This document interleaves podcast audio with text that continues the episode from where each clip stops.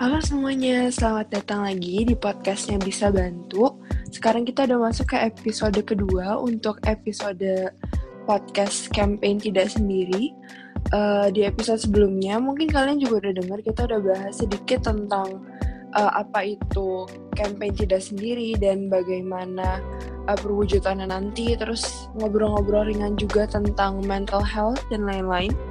Nah, pada hari ini kita bakal dig a little deeper. Kita bakal bahas lebih banyak lagi, lebih dalam lagi tentang mental health itu apa. Nah, di sini uh, gue Nesa nggak sendiri, gue ditemenin sama Aisyah. Hai Aisyah. Hai semua, ini Aisyah. Iya, dan kita juga ditemenin sama narasumber kita yang udah mau menyempatkan waktunya untuk ngobrol-ngobrol sama kita dan bahas lebih dalam biar kita bisa juga lebih dapat banyak edukasi lagi tentang uh, mental health itu apa. Untuk narasumber kita ini namanya Bu Titin. Untuk profilnya mungkin boleh dijelasin Aisyah? Bu Titin itu siapa sih? Okay. Jadi nama panjang Bu Titin itu uh, Agustin Dwi Putri Sukarian. Bu Titin ini dosen bidang studi psikologi klinis di Fakultas Psikologi Universitas Indonesia. Dia itu praktisi dan sekaligus juga pengajar.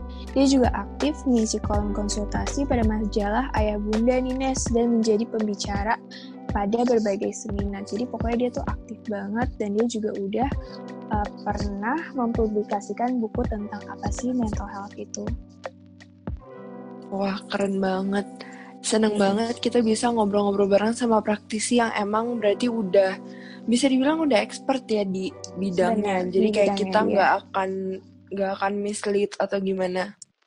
Jadi mm-hmm. untuk di podcast episode ini kita bakal bahas lebih dalam lagi tentang mental health itu apa, indikator apa aja yang bisa bikin seseorang dikatakan sehat secara mental, dan yang terpenting gimana sih caranya biar kita bisa tetap stabil dan sehat secara mental di masa pandemi seperti ini.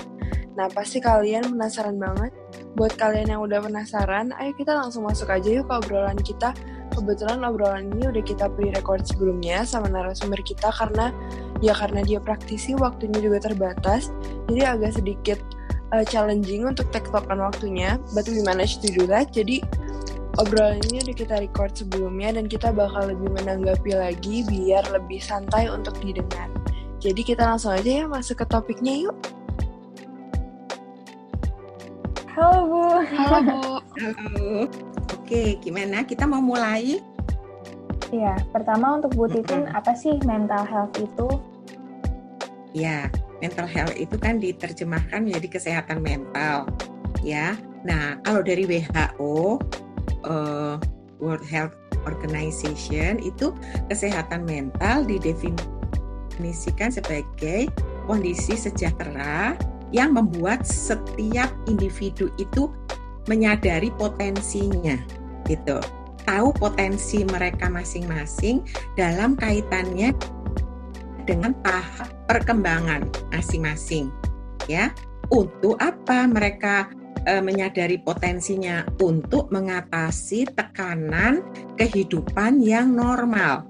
Tekanan kehidupan yang normal itu bukan tekanan hidup yang luar biasa kayak kalau misalnya perkosaan kekerasan itu uh, tekanan hidup yang tidak normal. Tapi tekanan hidup normal itu misalnya uh, apa? Uh, uh, apa? Coba kalau kalian pikir apa tekanan hidup normal? Kayak misalnya stres mungkin ya. Masalah iya. teman-teman gitu ya bu? Peristiwanya. Uh -uh. Berantem sama teman atau uh, apa namanya? Wah saya mau ujian nih uh, minggu depan. Itu tekanan kan? Tekanan hidup tapi normal karena mungkin tiap uh, siswa atau mahasiswa harus ujian atau menghadapi kemacetan. Itu juga kalau udah terlalu sering itu juga tekanan hidup yang normal jadinya gitu ya. Kemudian uh, selain mengatasi tekanan hidup normal juga untuk belajar atau bekerja secara produktif dan bermanfaat dan berguna untuk komunitasnya. Itu itu kalau mau dibilang sejahtera eh apa kesehatan mental menurut WHO ya. Nah secara umum kesehatan mental jadinya uh, mengacu pada bagaimana kita berpikir, bagaimana kita merasakan, dan bagaimana kita berperilaku. Bagaimana fungsi kehidupan kita sehari-hari yang akan mempengaruhi cara hidup, cara berpikir kita tentang kita sendiri maupun tentang sekitar kita. Itu arti kesehatan mental. Nah, jadi intinya dari jawaban Bu Titin tadi, tekanan hidup normal itu seperti masalah sama teman, ujian sekolah, sampai kemacetan ya, Nes? Nah iya bener banget, ternyata hal-hal kecil yang kita temuin di kehidupan kita sehari-hari itu bisa jadi sumber stres tersendiri. Jadi gimana kita bisa mengelola stres kita dalam menghadapi tekanan tersebut itu bisa jadi penting banget ya, Syah? Benar, dan ternyata baiknya mental health kita dilihat dari bagaimana kita berfungsi dalam kehidupan sehari-hari kita. Nah iya, benar banget. Sekarang kita lanjut yuk ke pertanyaan kedua. Kemudian Bu, belakangan ini, terutama di media sosial, mulai sering dibicarakan tentang mental illness, tapi terdapat stigma kuat yang selalu mengikuti. Kira-kira apa sih stigma yang selalu mengelilingi mental illness berdasarkan pengalaman Bu Titin sebagai praktisi dan pengajar? Nah, mental illness jadi itu artinya kan masalah dalam kesehatan mental, ya kan? Jadi nama lainnya adalah gangguan mental, gitu. Ya, mental illness itu diterjemahkannya gangguan mental.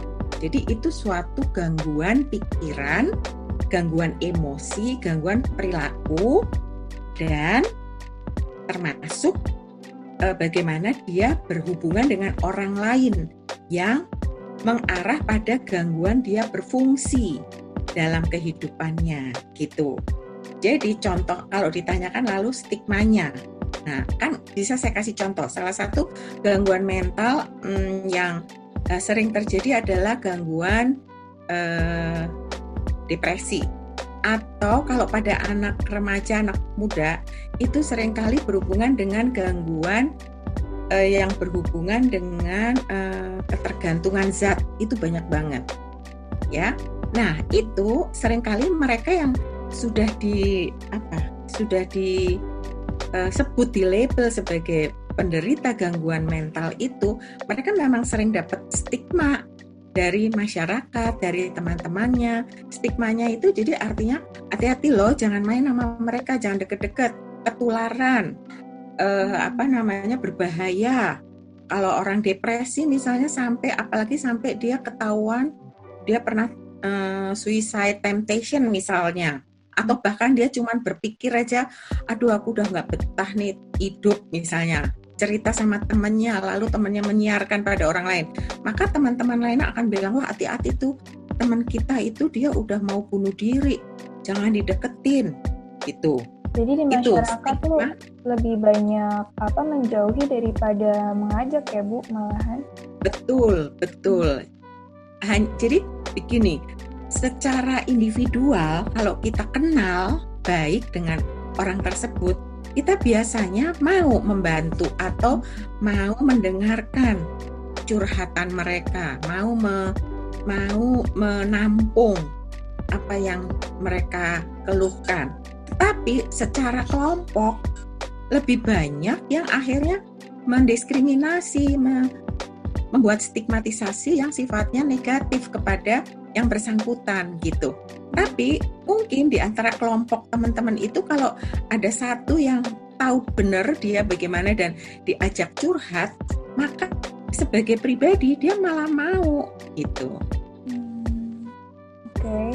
Jadi stigma itu sering kali lebih berasal dari kelompok ya. Hmm.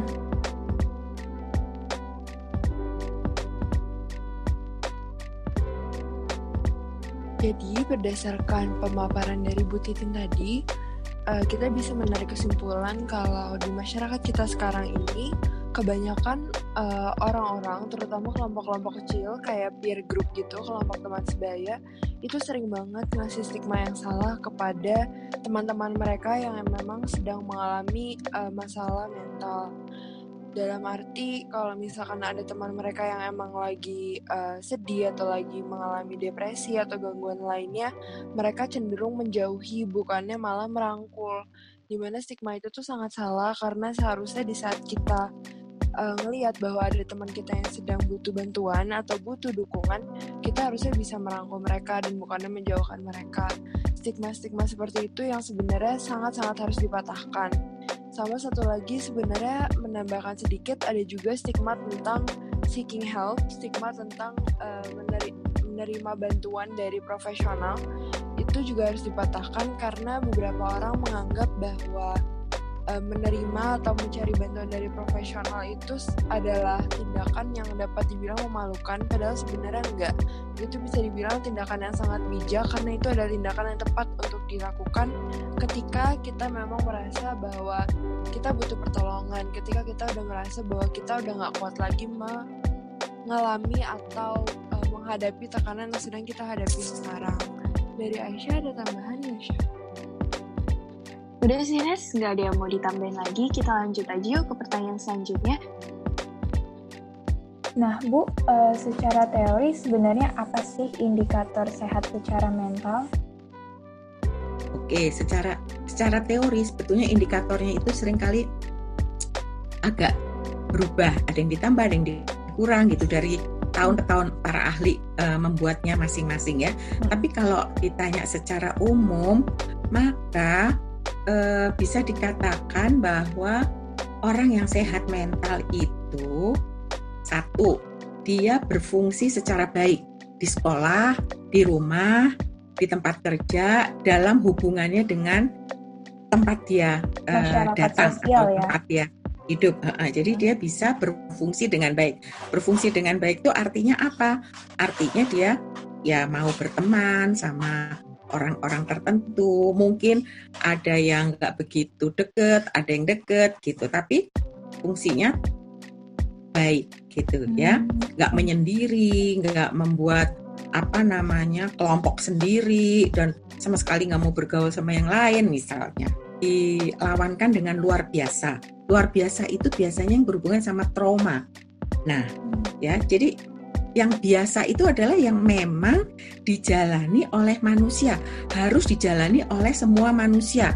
Misalnya dia dari kecil harus sekolah, di, karena tinggal di kota harus sekolah, maka dia harus bisa menjalani uh, mengatasi kesulitan dia bersekolah.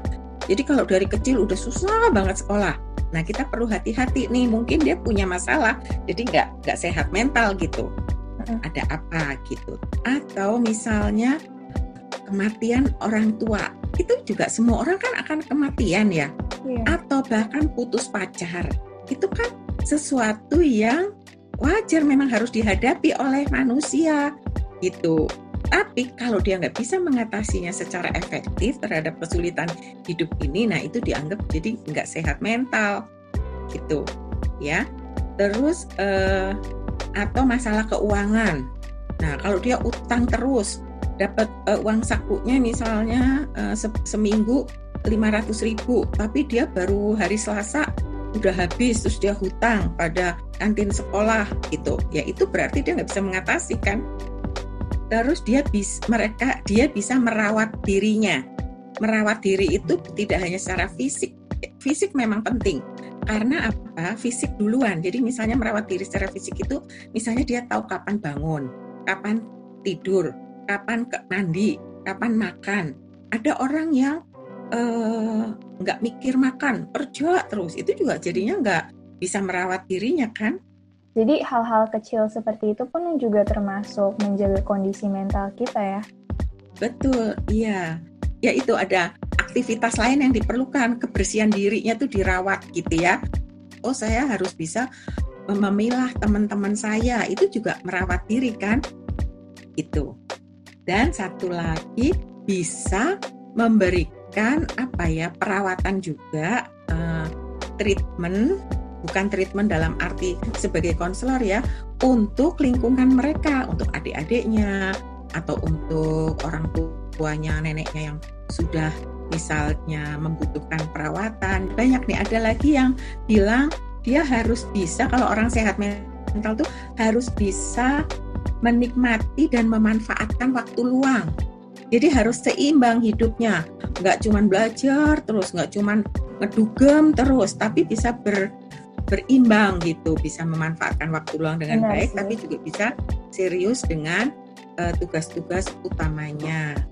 Terus nih kalau untuk situasi uh, pandemi bisa mengatasi rasa bosan ah, dengan ya, efektif. Iya itu, itu kan penting. Kan penting ya. Itu itu mungkin saya belum nemu nih di, di apa di teori. Tetapi mungkin ada nih penelitian baru yang pasti akan memakai itu bahwa anak-anak muda seperti kalian itu kan eh, tahap perkembangan psikologisnya sedang dalam tahap untuk mencapai identitas ya, lanjutan dari remaja untuk me me membentuk identitas diri secara lebih stabil.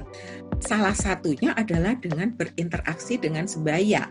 Nah, sekarang itu terputus banyak sekali kan Benar, kalian nggak bisa banyak ketemu nggak bisa ya. saling secara ekspresif mengemukakan pendapat saling berbagi dibatasi oleh media sosial jadinya tidak langsung memang itu harus dilakukan.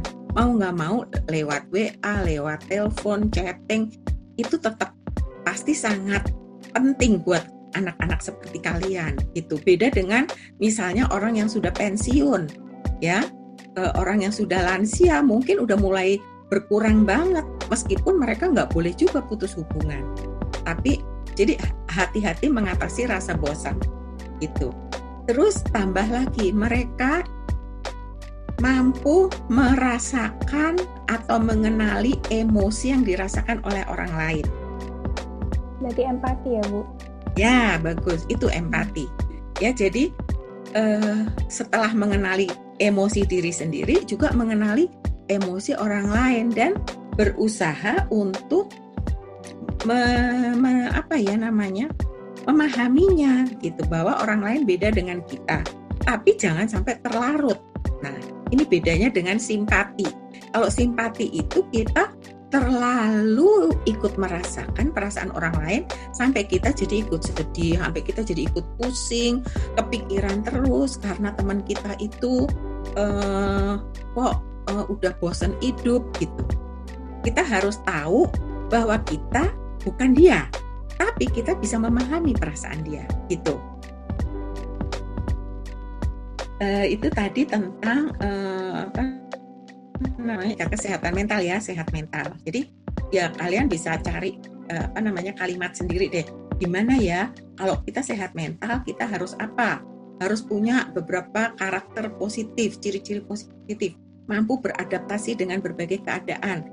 Keadaan lagi pandemi emang ada banyak orang bermasalah tapi banyak juga yang tetap sehat mental karena dia bisa ngatur ya menjaga hubungan baik gimana menjaga stres, menghadapi stresnya, bangkit dari kondisi sulit. Pernah pernah mendengar istilah resilience?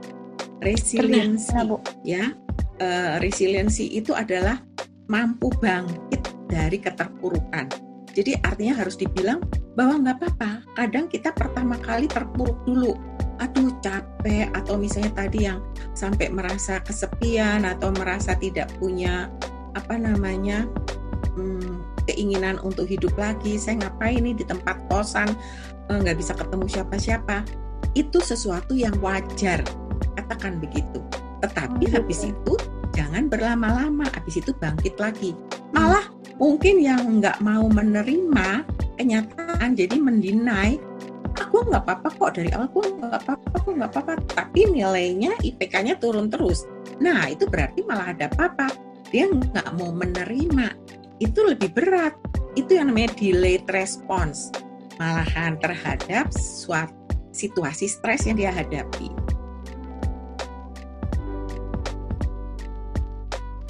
Jadi indikator sehat mental itu bisa merawat diri dan memberikan perawatan untuk lingkungannya, bisa berfungsi dan menjalin hubungan dengan baik secara sosial, beda dengan gangguan jiwa berat seperti contoh skizofrenia yang tidak bisa menjaga kebersihan diri. Nah, ada dua kata penting yang kita bisa ambil dari jawaban Bu Titi nih, empati dan resiliensi. Mampu mengenal emosi diri dan orang lain itu penting, tapi jangan sampai terlarut, harus diketahui kita bukan mereka. Dan terakhir, resiliensi. Wajar kita merasa terpuruk, tapi kita harus ingat untuk bangkit lagi. It's okay to feel sad, tapi jangan lupa untuk berdiri lagi dan jangan deny keadaan kita. Uh, kan tadi kita udah sempat nyinggung, Ibu juga sudah sempat menyebutkan bahwa sekarang tuh zamannya media sosial, di mana kita emang harus banget memanfaatkan keberadaan media sosial itu untuk mempertahankan interaksi kita sama orang-orang di luar, bukan hanya orang-orang yang di rumah kita aja. Nah, di zaman media sosial ini, uh, mungkin kita semua juga udah tahu bahwa uh, informasi itu sangat mudah diakses, jadi semua orang bisa mendapat informasi dari sumber mana pun. Dan kadang mereka cuma membaca aja. Jadi tanpa uh, kan dengan kita membaca tuh kita bisa menimbulkan berbagai macam apa ya perspektif jadi ada yang nangkapnya sesuai dengan yang ditujukan sama si penulis ada yang nangkapnya beda juga gitu. Dari ketermudahan mengakses informasi ini kadang-kadang tuh banyak juga anak muda yang emang udah inisiatif nih untuk baca-baca tentang mental health tentang macam-macam mental disorder gitu. Cuman masalahnya uh, ini semua malah kadang malah menjadikan mereka uh, eh, self diagnose jadi mereka langsung setelah baca kayak eh aku depresi nih eh aku punya disorder ini padahal sebenarnya itu kan belum tentu nah uh, kalau menurut Bu Titin sendiri pemicu gangguan mental pada anak muda zaman sekarang itu apa ya dan apakah ada perbedaan sama apa pemicu pada anak muda 10 tahun yang lalu gitu? Iya, uh, mungkin 15 tahun yang lalu lah ya. Uh, apa namanya memang ada beda sebelum ada apa namanya uh, booming internet ini yang lebih banyak terjadi gangguan itu malahan gangguan mengambil risiko tinggi jadi gangguan kepribadian anak muda kan senangnya ugal-ugalan kepengen unjuk diri gitu kan jadi Betul. lebih misalnya atau gangguan apa penyalahgunaan obat zat gitu ya itu lebih banyak. Jadi gangguan apa gangguan perilaku yang berhubungan dengan e, misalnya mereka tidak mematuhi aturan gitu. Jadi mereka ngebut misalnya atau mereka e, mendaki gunung, hiking atau diving yang ugal-ugalan. Itu kan gangguan perilaku yang tidak mematuhi aturan. Ya. Itu malah lebih banyak karena itu sifatnya fatal. Kemarin kan ada juga pertanyaan seberapa ringan dan beratnya kan eh, dampaknya. Nah itu sebetulnya pada waktu belum ada internet itu lebih banyak ke situ gangguan eh, ketergantungan obat zat, gangguan eh, perilaku high apa high risk atau risk taking yang tinggi gitu. Tapi kalau sekarang eh, se sebentar sebelum itu pun sebetulnya ya usia-usia uh, remaja akhir sama dewasa muda itu sebetulnya rentan terhadap dimulainya gangguan jiwa gitu. Karena apa? Karena di usia itu, di usia 17, 18 terus sampai 25 ya kalian ya. Hmm. Itu kan kalian ada dalam tahapan perkembangan mulai mendapatkan tanggung jawab baru. Mulai banyak nih beban-beban hidup mulai yang dulu ya? Iya, uh, sebetulnya bisa dirasakan bisa enggak, tetapi ada banyak perubahan gitu. Meskipun nggak ada masa COVID ini, jadi nggak atau nggak ada internet ini, jadi itu dimulainya itu acap kali memang di awal-awal uh, masa atau periode perkembangan remaja akhir dan dewasa muda memang. Jadi apakah gangguan depresi, bahkan gangguan uh, apa namanya kepribadian itu mulai munculnya di situ. Nah, uh, apa namanya tapi kemudian dengan berjalannya waktu adanya adanya akses untuk internet di mana mereka mendapatkan informasi berlimpah dan mereka uh, juga kemudian mencoba belajar sendiri maka yang yang yang terjadi betul itu tadi lebih banyak melakukan self diagnosis gitu. Mereka jadi kok kayak nggak mau nggak butuh orang lain atau mereka mungkin karena juga ada sifat kritis yang berkembang juga pada masa itu mereka nggak gampang nerima pandangan dari dokter atau uh, siapa teman yang memberi informasi itu. Bisa bisa dua itu ya. Tetapi kebanyakan memang mereka mencoba mencari sendiri dan jadi mengira-ngira sendiri. Itu yang berbahaya sebetulnya. Mereka harusnya melakukan cek ulang kepada profesional yang sekarang lagi ngetren itu jadi gue ini borderline personality. Gue ini bipolar itu dua itu yang paling paling hmm, sering. Booming. Bener ya? Bener nggak? ya, bener sih bu. Nah ya. sementara saya juga sering dapat itu nanti kalau udah datang uh, uh, anaknya kliennya saya bilang menurut saya kamu nggak begitu parah. Saya bilang gitu. Sebab yang kamu sebut itu itu parah banget loh. Saya bilang gitu. Bahwa anak remaja itu kadang ya memang suka saking saking nggak bisa punya jalan. Kan mereka tadi mendapatkan ini baru apa namanya tanggung jawab baru. Tetapi mereka juga lagi berlatih bagaimana nih mengatasi uh, masalah saya ini. Atau misalnya pacar atau misalnya banyak yang naksir, terus misalnya yang ini uh, ngebully, misalnya yang ini begitu. Itu kan dia harus latihan. Nah, tapi kalau dia terus akhirnya misalnya kepengen uh, menghilang aja kan begitu biasanya pengennya. Apa itu udah berarti gangguan jiwa berat kan belum tentu. Gitu. Memang perlu ada pendamping, teman yang bisa sharing, makanya bisa memberbagi itu memang uh, jauh lebih diperlukan ketimbang dia diem-diem aja, dia cari sendiri, googling-googling sendiri, akhirnya melakukan self diagnosis sendiri.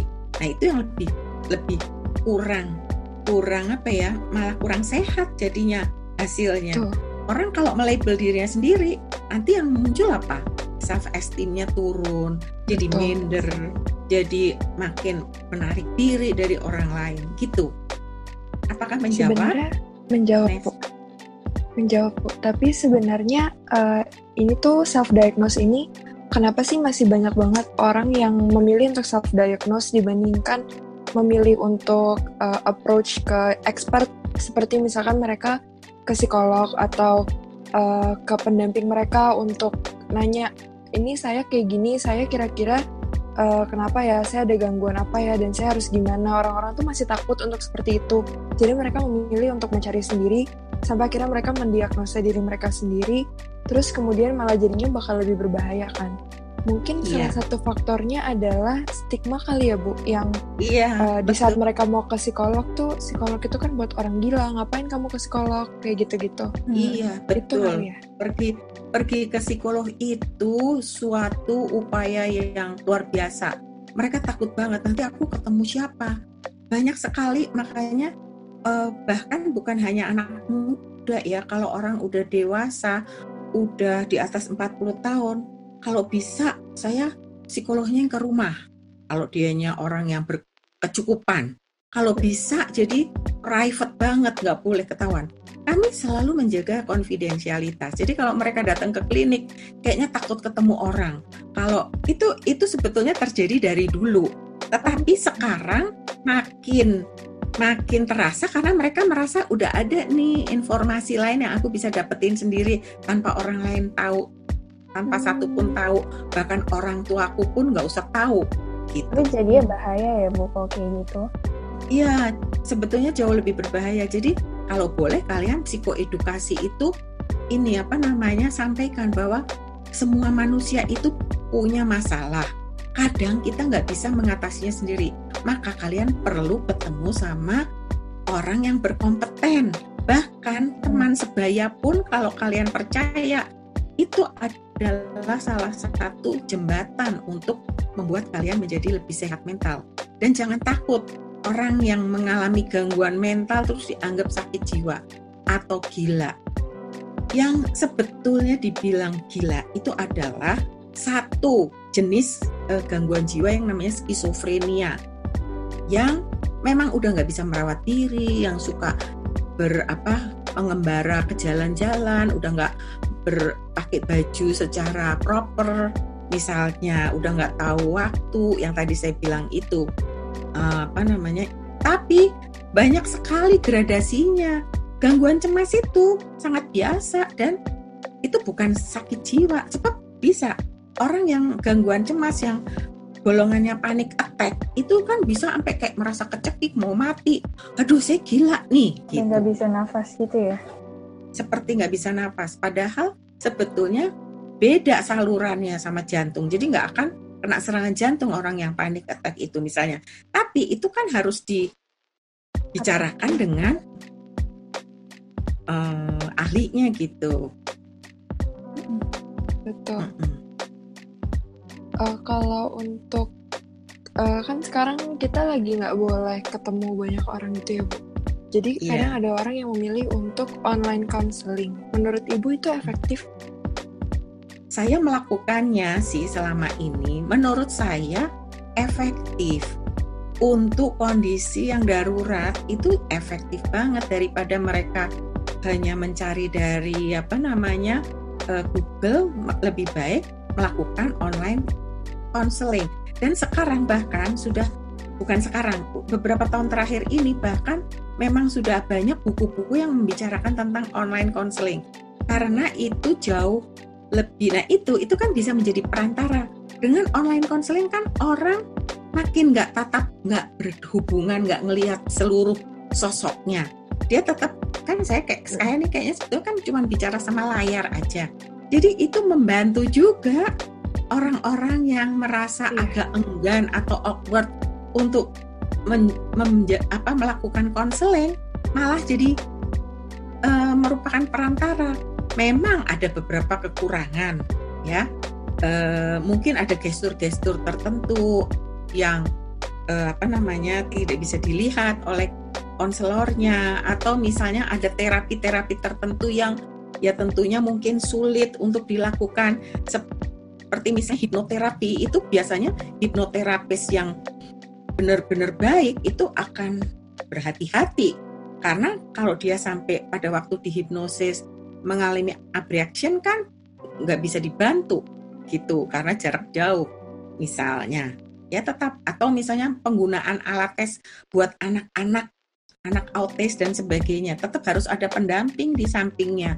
Nggak bisa jarak jauh atau online begini gitu. Tapi ada banyak sekarang eh, apa namanya teknologi baru yang eh, mengarah ke situ baik pertanyaan terakhir nih Bu dari kami. Yeah. Di Indonesia itu uh, apa sih kondisi top 3 mental tertinggi dalam artian uh, gangguan mental yang paling banyak dialami di Indonesia, terutama pada anak muda itu uh, apa dan dampak teringan sampai dari dampak teringan sampai dampak terberat untuk uh, korbannya itu menurut pendapat Ibu gimana? Nih agak goyang-goyang ya. Ya, ya yang seperti tadi saya bilang. Jadi kalau sebelum sebelum apa namanya sebelum pandemi itu kayaknya lebih banyak uh, gangguan perilaku yang berhubungan dengan uh, keinginan mereka untuk mengambil risiko tinggi ya. Tetapi yang sekarang ini kan berhubungan hanya dengan yang sangat membutuhkan. Jadi saya tahunya dari klien-klien saya yang online nih ya itu memang yang paling menonjol adalah satu gangguan cemas dan satu lagi gangguan depresi, gangguan mood gitu. Jadi gangguan cemas itu eh, memang isinya lebih banyak kecemasan, bisa kecemasan eh, generalize ya.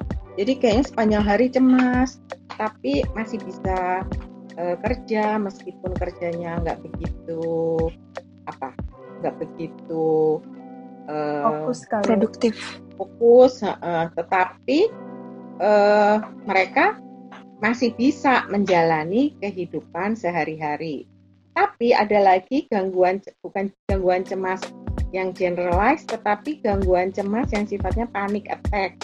Nah panic attack itu bisa sangat mengganggu karena bisa sampai kepada nggak uh, bisa ngapa-ngapain. Malah kemudian eh, jadi kehilangan minat untuk melakukan apa-apa, kemudian eh, merasa tidak bisa ya tidak bisa berfungsi lah, nggak bisa ikut kuliah online karena takut nanti kalau ditanya sama guru sama dosennya atau gurunya nanti saya nggak bisa jawab nanti saya mengalami serangan mendadak karena kalau ada serangan mendadak itu pasti mereka e, dalam beberapa menit itu memang suka apa ya betul-betul tidak bisa melakukan apa-apa gitu. Kalau yang gangguan cemas menyeluruh itu biasanya mereka kesulitan konsentrasi, gampang lelah, pikiran kosong, ketegangan otot, gampang marah, irritable misalnya, dan juga gangguan tidur. Panic attack itu juga banyak sekali berhubungan sama gangguan tidur. Juga gangguan makan, apakah nggak bisa makan, nggak nggak suka makan, atau malah makan berlebihan. Jadi sering kali hidup gitu ya, Bu bisa bisa berpengaruh dan jadi bisa kayak uh, menyangkut ke berbagai area kehidupan gitu uh, terus bertengkar sama pacar jadinya atau sama adik kan jadi karena irritable jadi begitu itu gangguan cemas ya yang saya sering lihat uh, atau uh, juga masuk sebetulnya di gangguan cemas adalah yang namanya PTSD pernah mendengar post traumatic stress traumatic disorder. Uh. Itu karena dia sebelumnya memang punya trauma, terus jadi sekarang kayak mengalami reaktivasi kembali, kayak mengalami kekambuhan gitu. Uh, itu juga masuknya ke cemas. Jadi uh, kayak merasa misalnya, misal nih, dulu sebelum COVID dia memang sudah mengalami PTSD, tapi udah sembuh, sudah pulih kembali. Tapi karena kondisi uh, pandemi yang juga stressful, dia nggak bisa mengatasinya, kambuh lagi gitu. Padahal nggak ada lagi misalnya dia pernah mengalami perkosaan misalnya, dia seperti mengalami lagi gitu. Padahal nggak ada itu. Maksudnya kayak dia merasakan anxiety-nya yang dia dulu sempat rasakan bu atau Iya, jadi dia seolah-olah uh, apa namanya ketakutan yang sama dalam dalam mimpi dia mengalami kembali waktu peristiwa perkosaan itu. Terus terbangun dia uh, jadinya uh, sulit keinget terus misalnya. Uh, seperti baru aja terjadi. Padahal itu misalnya udah 10 tahun yang lalu.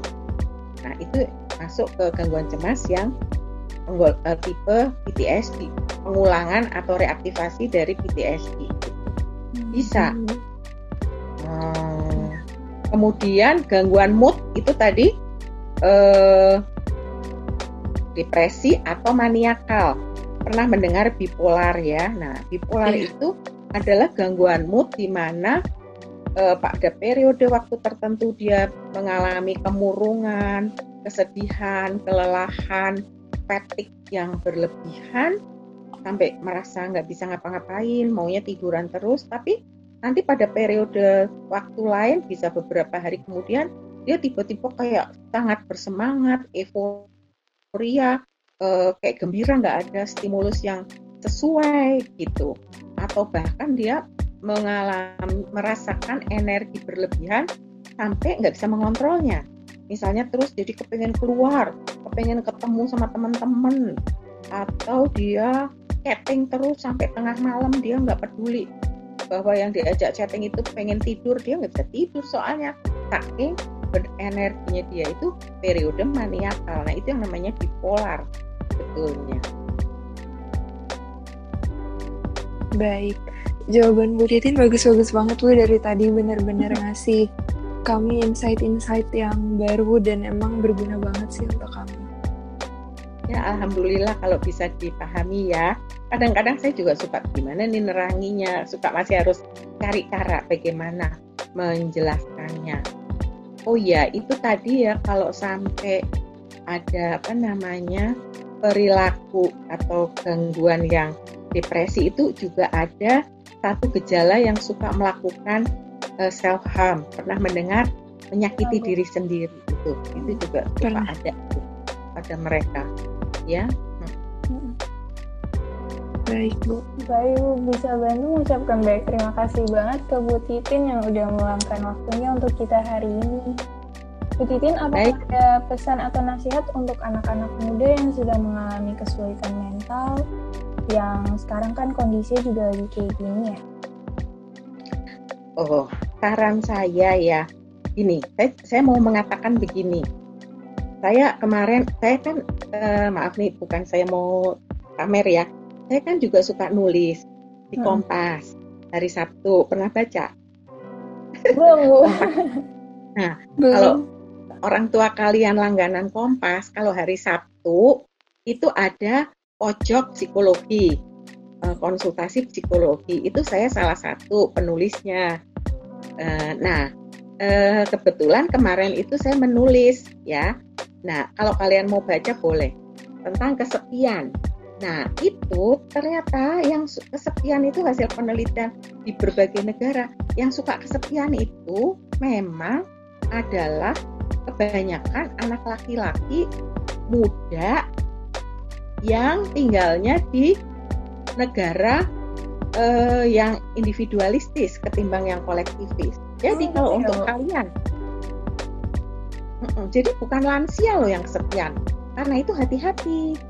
Ada kemungkinan, ini kemungkinan saja, karena laki-laki juga tidak terbiasa sharing ya. Nah ini, jadi kalian nanti di dalam komunitas kalian coba uh, apa ajak uh, remaja laki, anak muda laki juga supaya mereka juga mau ikut sharing, jangan supaya mereka nggak takut untuk ikut sharing. Nah, eh, tapi mungkin karena kita termasuk negara yang kolektivis ya ketimbang individualis ya, jadi mungkin masih terbantu karena kita ada keluarga besar, kekerabatannya masih cukup kuat gitu.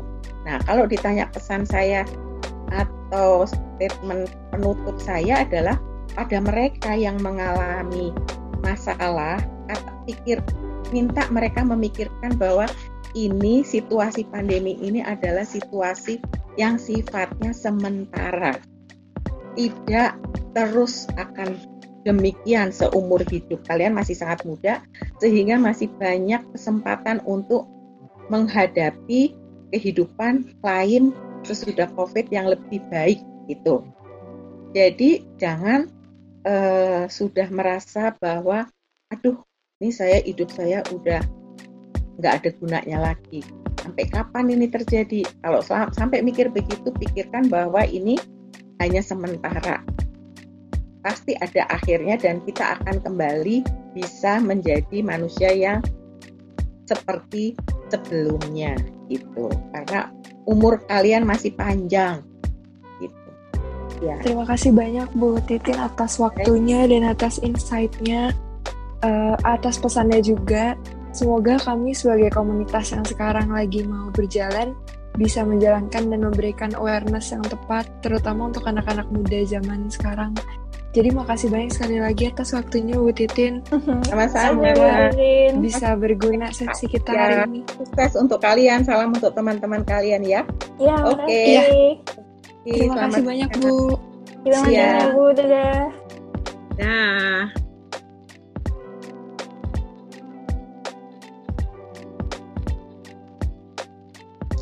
Nah, itu dia perbincangan kita sama Bu Titin. Insightful banget ya, Nes?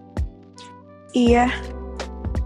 Yang paling berkesan menurutku di bagian tentang survei Bu Titin tentang laki-laki lebih banyak merasa kesepian karena mereka memendam perasaan mereka. Menurut aku masalah ini penting banget diangkat agar laki-laki tuh gak denial sama perasaan mereka dan it's okay to want help. Terakhir yang berkesan adalah tentang kita sebagai manusia itu harus resilient karena merasa terpuruk itu wajar, tapi jangan lupa untuk bangkit lagi. Bener banget. Nah, jadi bisa disimpulkan dari rangkaian pembicaraan kita dengan Bu Titin barusan bahwa sebenarnya kesehatan mental itu nggak melulu tentang mental aja, tapi juga uh, berkaitan dengan kesehatan fisik kita. Dan untuk kita bisa menjaga kesehatan mental kita, we have to be able to take care of our physical health first. Jadi kita harus bisa menjaga kesehatan fisik kita dulu untuk kemudian kita menjaga kesehatan mental kita. Dan bener banget sesuai dengan yang Aisyah juga udah simpulkan tadi bahwa kita nggak boleh memojokkan atau mendiskriminasi orang-orang yang kita rasa butuh bantuan. Kita harus bisa ngerangkul mereka, nge-support mereka, bukan malah ngejek atau merundung mereka gitu.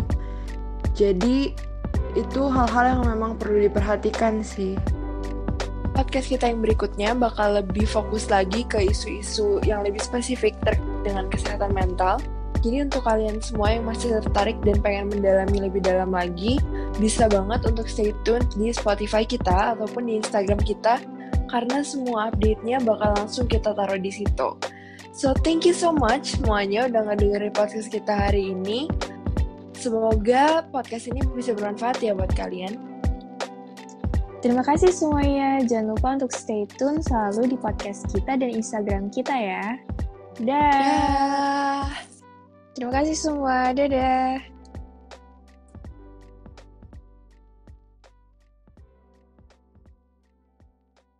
Karena kalian tidak sendiri.